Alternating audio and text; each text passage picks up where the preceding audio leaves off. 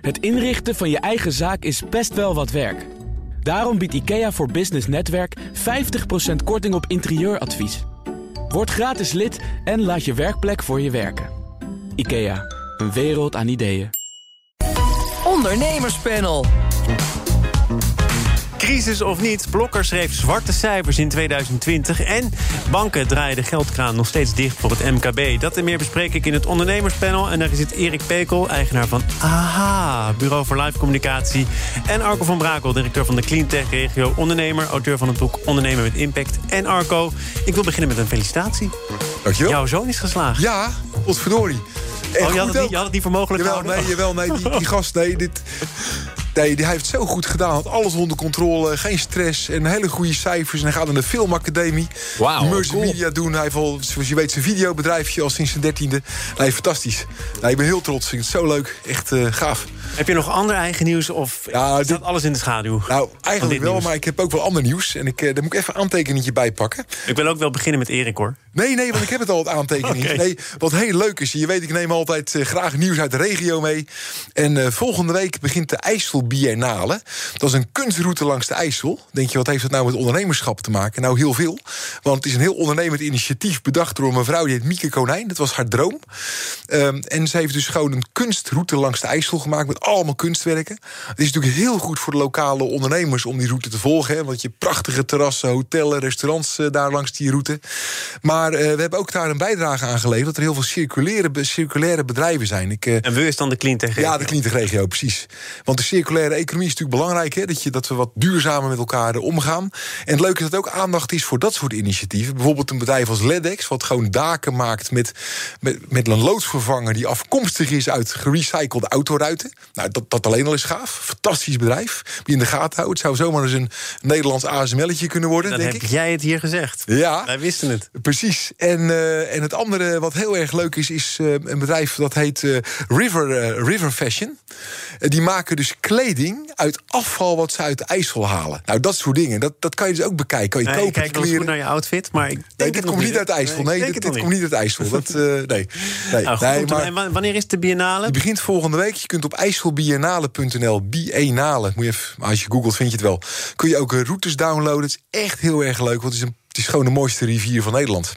Mooi gesproken ook, Arco. Erik, wat is jouw nieuws? Nou, ik eh, nog even aansluiten. Ik heb gefietst langs die eh, IJssel. Dus ik zou iedereen ook in de geest van deze biennale adviseren... pak vooral de fiets. Want het is zo'n ontzettend mooi eh, gebied eh, daar. Zo net onder Zwolle, weet ik nog. Dat vond ik echt nou, een soort paradijselijk gebiedje. Een stukje in Nederland. Jullie hebben dit allemaal Ja, voorgesproken. nou ja, zo is het. Ja, we zaten even te wachten hier buiten de studio.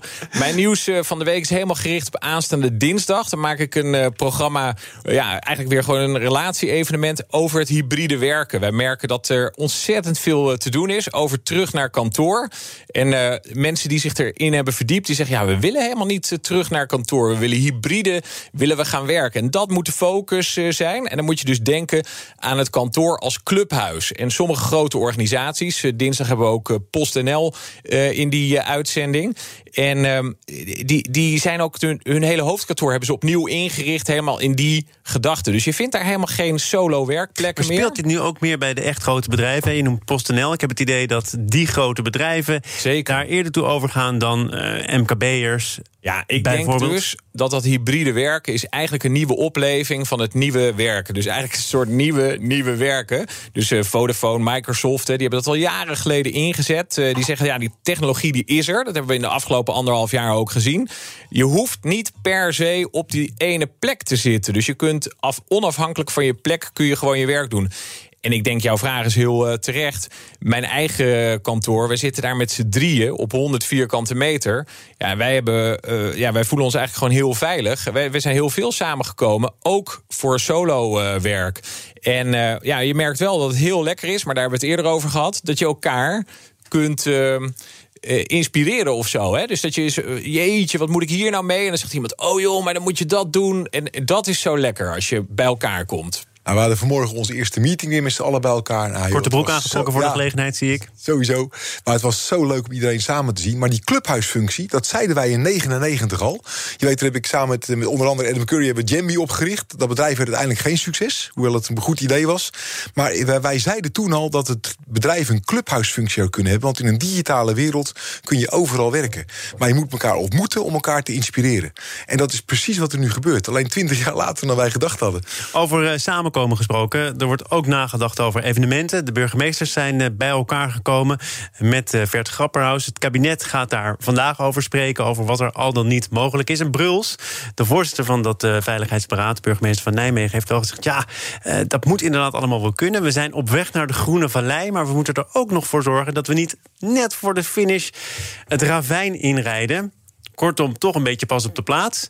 Eh, hebben die Field Lab evenementen dan onvoldoende aangetoond wat er wel en niet mogelijk is?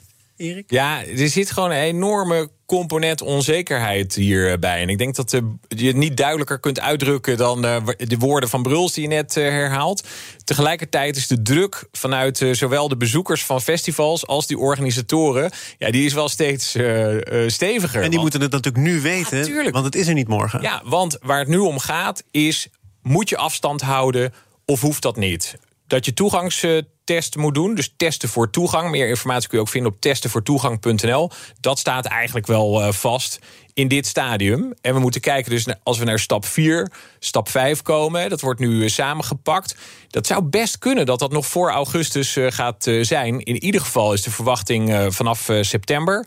Ja, dan, dan is de verwachting dat op evenementen alles wordt losgelaten. Dus geen afstand, geen mondkapjes, zelfs niet testen. En dat klinkt nu misschien nog een beetje onwerkelijk, maar dat valt wel mee, want die fase gaan we in op het moment dat er zo weinig besmettingen nog zijn en dat de vaccinatiegraad zo hoog is, dat je gewoon dat risico niet meer loopt. Dus dan hoef je er ook niet tegen te beschermen. En is dit dan een vrucht van die Field Lab evenementen? Ik probeer dat toch nog even erin te brengen. Omdat er heel veel discussie over was. Hè. Het kost heel veel geld. Eh, Wat levert het op? Is het allemaal wetenschappelijk verantwoord? Zou je kunnen zeggen, als er nog een evenementen zomaar aankomt... is dat deels toe te schrijven aan wat we hebben gezien bij die Oh. evenementen? Ja en nee. Ehm, ik heb eigenlijk, zoals je weet, niet zo heel veel kritiek gehad op hoe eh, het kabinet eh, deze coronacrisis heeft aangepakt. Er zijn twee dingen die ik anders heb gedaan. Ik zou de vaccinatie anders hebben aangepakt. Nou, dat is een klein dingetje, toch? Klein dingetje. Eh, zeker als die echt belangrijkste exit-strategie is, zou ik daar wat beter over hebben nagedacht. Maar de andere is het testen. Ik zou er eerder mee zijn begonnen, namelijk vorig jaar al, want je kon dit zien aankomen. Ehm, en ik vind eigenlijk dat het nu een beetje mosterd naar de maaltijd is geweest. Maar tegelijkertijd hebben die eh, Field Labs aangetoond dat evenementorganisatoren en ook andere ondernemers zo goed hun protocollen voor elkaar hebben om dingen veilig te doen. Als je dat dan toch weer naast je neerlegt en toch weer de zaken uitstelt, dan richt je denk ik eh, grotere schade aan economisch dan nodig is, maar ook mentaal, want mensen willen weer, weer leven. Dus ik, dat, dat, dat is de enige kritiek die ik wel heb. En ik zou meer met die resultaten hebben gedaan en eerder zijn gaan testen. En ik weet ook dat ondernemers echt goed over hun protocol hebben nagedacht. De, grote winst van die eh, Field Labs is vooral dat ze hebben gekeken... zijn bezoekers bereid om te testen en werkt dat hele systeem. Dus werkt eh, zo'n app, kun je dat eh, georganiseerd krijgen... kun je dat bouwen. En het is er... En het werkt. Dus het zorgt er waarschijnlijk voor dat er. dat- Ik hoorde dat dat persbericht staat nu echt op het punt om verzonden te worden. vanuit die Oh. veiligheidsregio's. Oeh. Erik. Dus ieder moment eh, krijgen we die eh, duidelijkheid. Maar ik denk dat er dus gewoon heel veel gaat, eh, gaat kunnen. Met testen totdat we naar die volgende fase gaan. En dan is dat, Dat toch wel winst. Dat is echt wel mooi dat je Ja, gewoon dingen kan. Nee, doen. daarom joh. Weet je. En ik snap ook wel dat een overheid altijd voor zekerder gaat dan een ondernemer zou doen. maar zelfs dat gezegd hebbende. Maar joh, laten we vooral eh, count your blessings. hè. We, we komen er weer uit en we kunnen weer los. Dat En, gezegd eh, hebben, dat is het even belangrijkste. naar een overheid die inderdaad dat adagium hanteert, namelijk zekerheid boven alles. Neem vooral een eh, bekertje water, ik schenk het voor je in, Arco. Japan worstelt nog met de vraag, en dan met name Tokio, gaan wij de Spelen door laten gaan, ja of nee? En zo ja, onder welke condities? Nou, weinig mensen die natuurlijk daar op de tribune zullen zitten.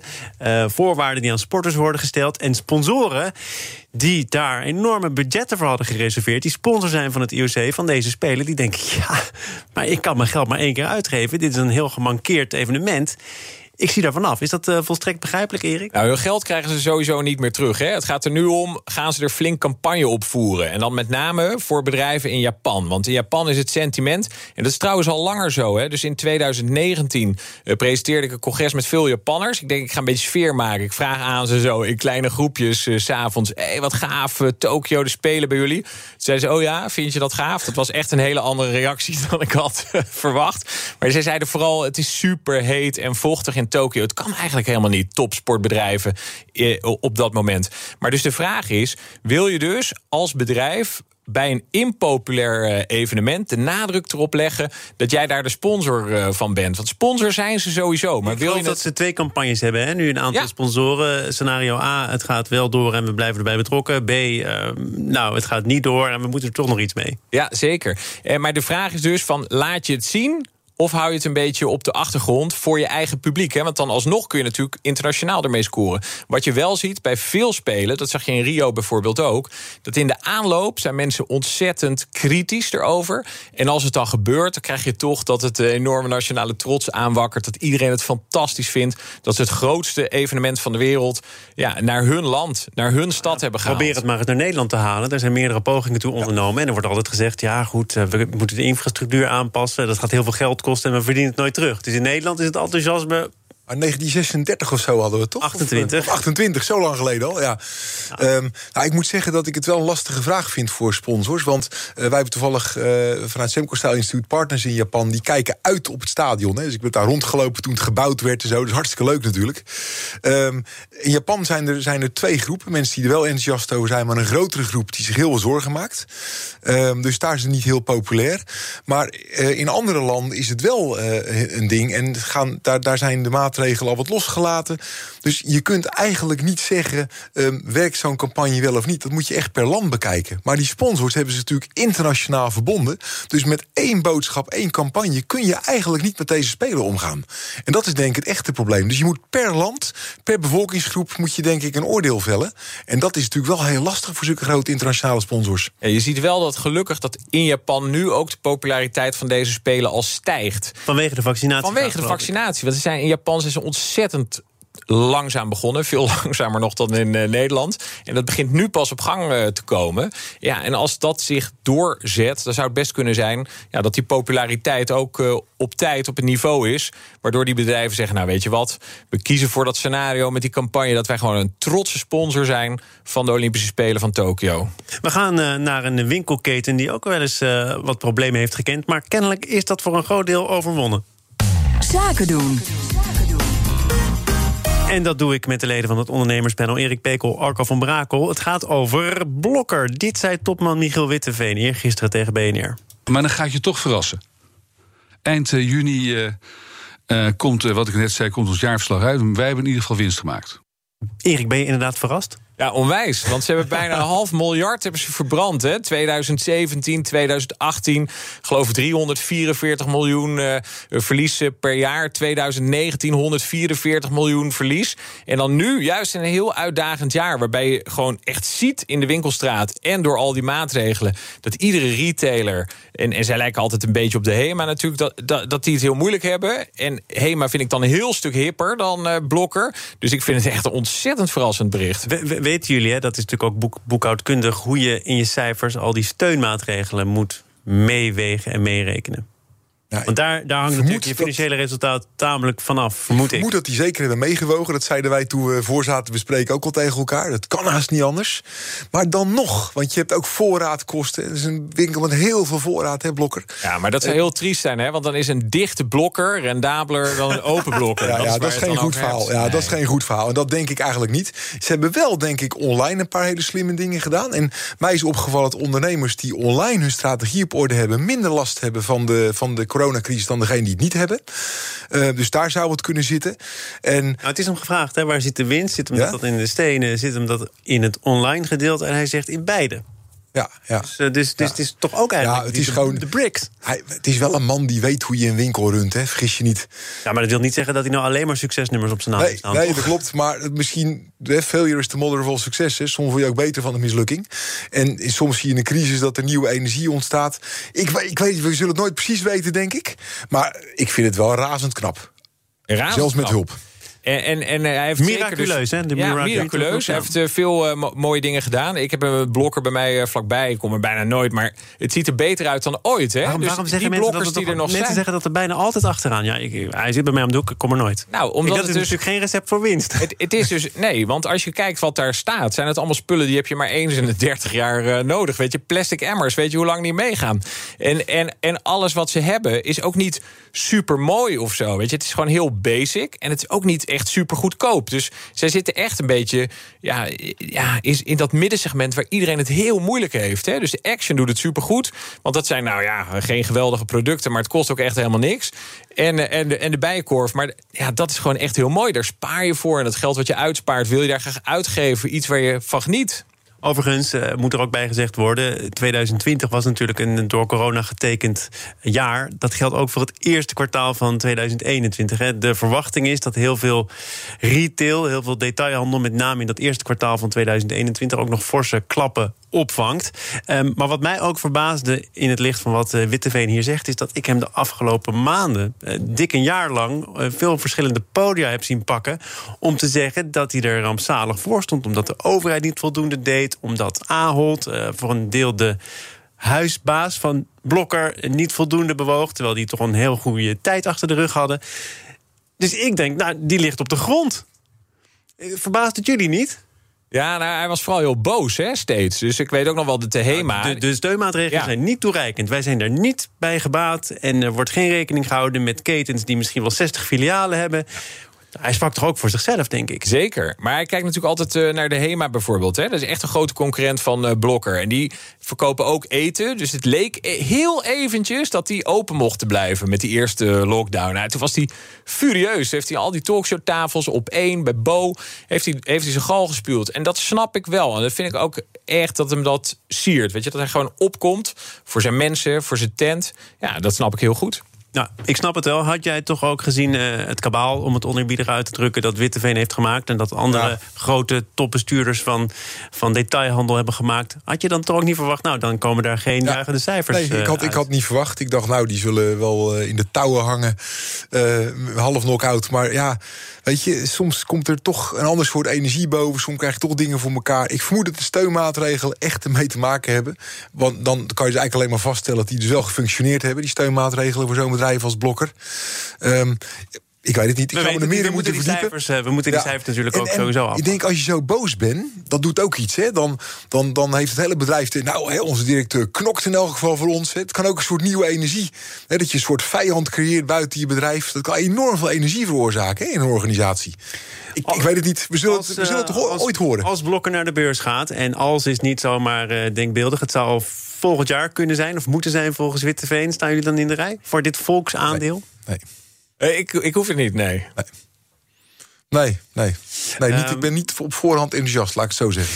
Hij eh, heeft een poging om jullie nog te enthousiasmeren. Over twee weken is hij een uur te gast in de Big Five. Dan weten we misschien ook wat meer over de cijfers. Nou, goed zo zeg. Dat is alvast binnen. Dan gaan we naar eh, een laatste onder, onderwerp. Er zou een centrale organisatie moeten komen voor de financiering van ondernemers. Het moet centraal geregeld worden. Is een hernieuwde oproep van ONL, Ondernemend Nederland. Volgens die club hebben MKB-ondernemers al tijden moeite met het vinden van financiering bij banken. Ik neem aan dat jij dit nog even kort hebt doorgenomen met jouw vrienden van de Nou, ONL. ik heb geprobeerd, we kregen elkaar niet te pakken. Dus ik heb echt hand geprobeerd te bellen, maar we kregen elkaar niet aan de lijn eh, vandaag. Dus, eh, maar ik, ik ben het wel eens dat. Kijk, het is altijd een probleem. Weet je, ehm, banken hebben natuurlijk toch eh, zich gezegd: we gaan nu onderdeel van de oplossing zijn. Hè. Ze hebben zich behoorlijk coulant opgesteld in de crisis. Hè. Ere wie ere toekomt. Maar. ehm, Is dat zo? Want als je wat dieper doorvraagt bij ondernemers, dan zie je toch dat die houding van banken ook wel kantelde. En Ja, maar banken snel. zijn geen filantropische instellingen. Die hebben ook aandeelhouders die eh, eh, op de beurs eh, graag rendement eh, terugzien. Ja, dan hebben ze al heel lang gewacht, denk ik. Ja, dat klopt. nou ja, dat is, en dat is dus de druk die je nu weer voelt. En eh, wat banken ook hebben, dat moeten mensen niet vergeten. Ehm, banken hebben twee soorten klanten. Namelijk mensen die geld komen brengen en mensen die geld komen halen. En, eh, en dat is letterlijk hun businessmodel. Daar zitten ze tussen. Dus je bent altijd medeontwikkelaar van het bankproduct. Of je nou spaart of dat je leent. maar ze moeten ook de spaarders wel tevreden kunnen houden... door te zorgen dat het geld goed belegd wordt. En ja, daarom, daarom betalen mensen met wat meer geld op hun spaarrekening op dit moment negatieve rente, toch? We zijn toch al niet ja, tevreden? ja. Nee, Ja, nee, nee. Denk ik Ja, wel, nee, maar goed, heeft het weet ook je- te maken met ECB-beleid en, en Ja, andere ik ben, ik ben altijd heel. Ik ben best wel negatief over banken geweest in het verleden. En ik heb me voorgenomen dat niet meer te doen. Dat is duidelijk. Ehm, dus eh, ze spelen ook een rol. En ik vind dit keer helemaal niet zo negatief in de crisis, als ik eerlijk ben. Ehm, Erik, jij kijkt er wat zuiniger bij, heb Nee, ik het ik, idee hoor. ik merk dus dat veel ondernemers vinden het lastig om de juiste financieringsbronnen aan te boren. Maar ze zijn er meestal wel. Dus ONL die noemt eh, bijvoorbeeld eh, de opgave van de energietransitie. Specifiek hè, in, de- in dit kader. En ook onze innovatiekracht, het innovatievermogen van het MKB in Nederland. Nou, er zijn zoveel fondsen waar je dan eh, kunt aankloppen. En het is echt heel lastig natuurlijk om de juiste financiering binnen te halen. Maar ja, je moet er gewoon wel wat, eh, wat voor doen. Dat, Ja, is, dat is simpel noemt dat coaching. Dus ondernemers zouden ook gecoacht moeten worden. Dat zit er eh, moeten allemaal de weg bij. gewezen worden. Ja, ja, maar dat zit er echt bij. En dus bijvoorbeeld rvo.nl is een heel goed vertrekpunt. Ik hoor ook Volgens mij Kamer eh, van doe je daar ook voor, toch? Zo is het. Maar, maar, dus, die, maar die hebben ontzettend mooie instrumenten. Maar die denken ook gewoon met je mee. Je kan gewoon bellen. Ze hebben voor energietransitie hebben ze een formulier. Dat kun je gewoon invullen. Dan krijg je gewoon een coach. Die gaat met je aan de slag. Hoef je niks voor te betalen. Ja. Ze wijzen je echt de weg. En ik heb me ook laten vertellen dat de Kamer van Koophandel... specifiek op financiering hele goede mensen heeft zitten. Die kun je gewoon bellen. En die, die wijzen je op het juiste loket. En, en ze helpen je waar dat nodig is. Dus, dus, het- dus de MKB'ers kijken te makkelijk en misschien wel te eenzijdig naar banken. Daar moet het dan maar vandaan komen. Ik denk dat je het niet meer, van- zeker als MKB, niet meer van de banken moet hebben. Eh, simpelweg, eh, doordat de rente ook zo laag is op dit moment, zijn eigenlijk investeringen onder de 2 miljoen nauwelijks rendabel te maken. Want als je maar een paar uur te veel erin aan besteedt als bank, dan kun je er al niks meer aan verdienen. Zo plat is het ook. hè? ja, dus, dus veel, veel werk voor weinig rendement. Ja, ja. Ja, maar als je daarentegen bijvoorbeeld gaat crowdfunden... Dat zijn hele andere modellen. Daar kun je dus eh, op een hele leuke manier...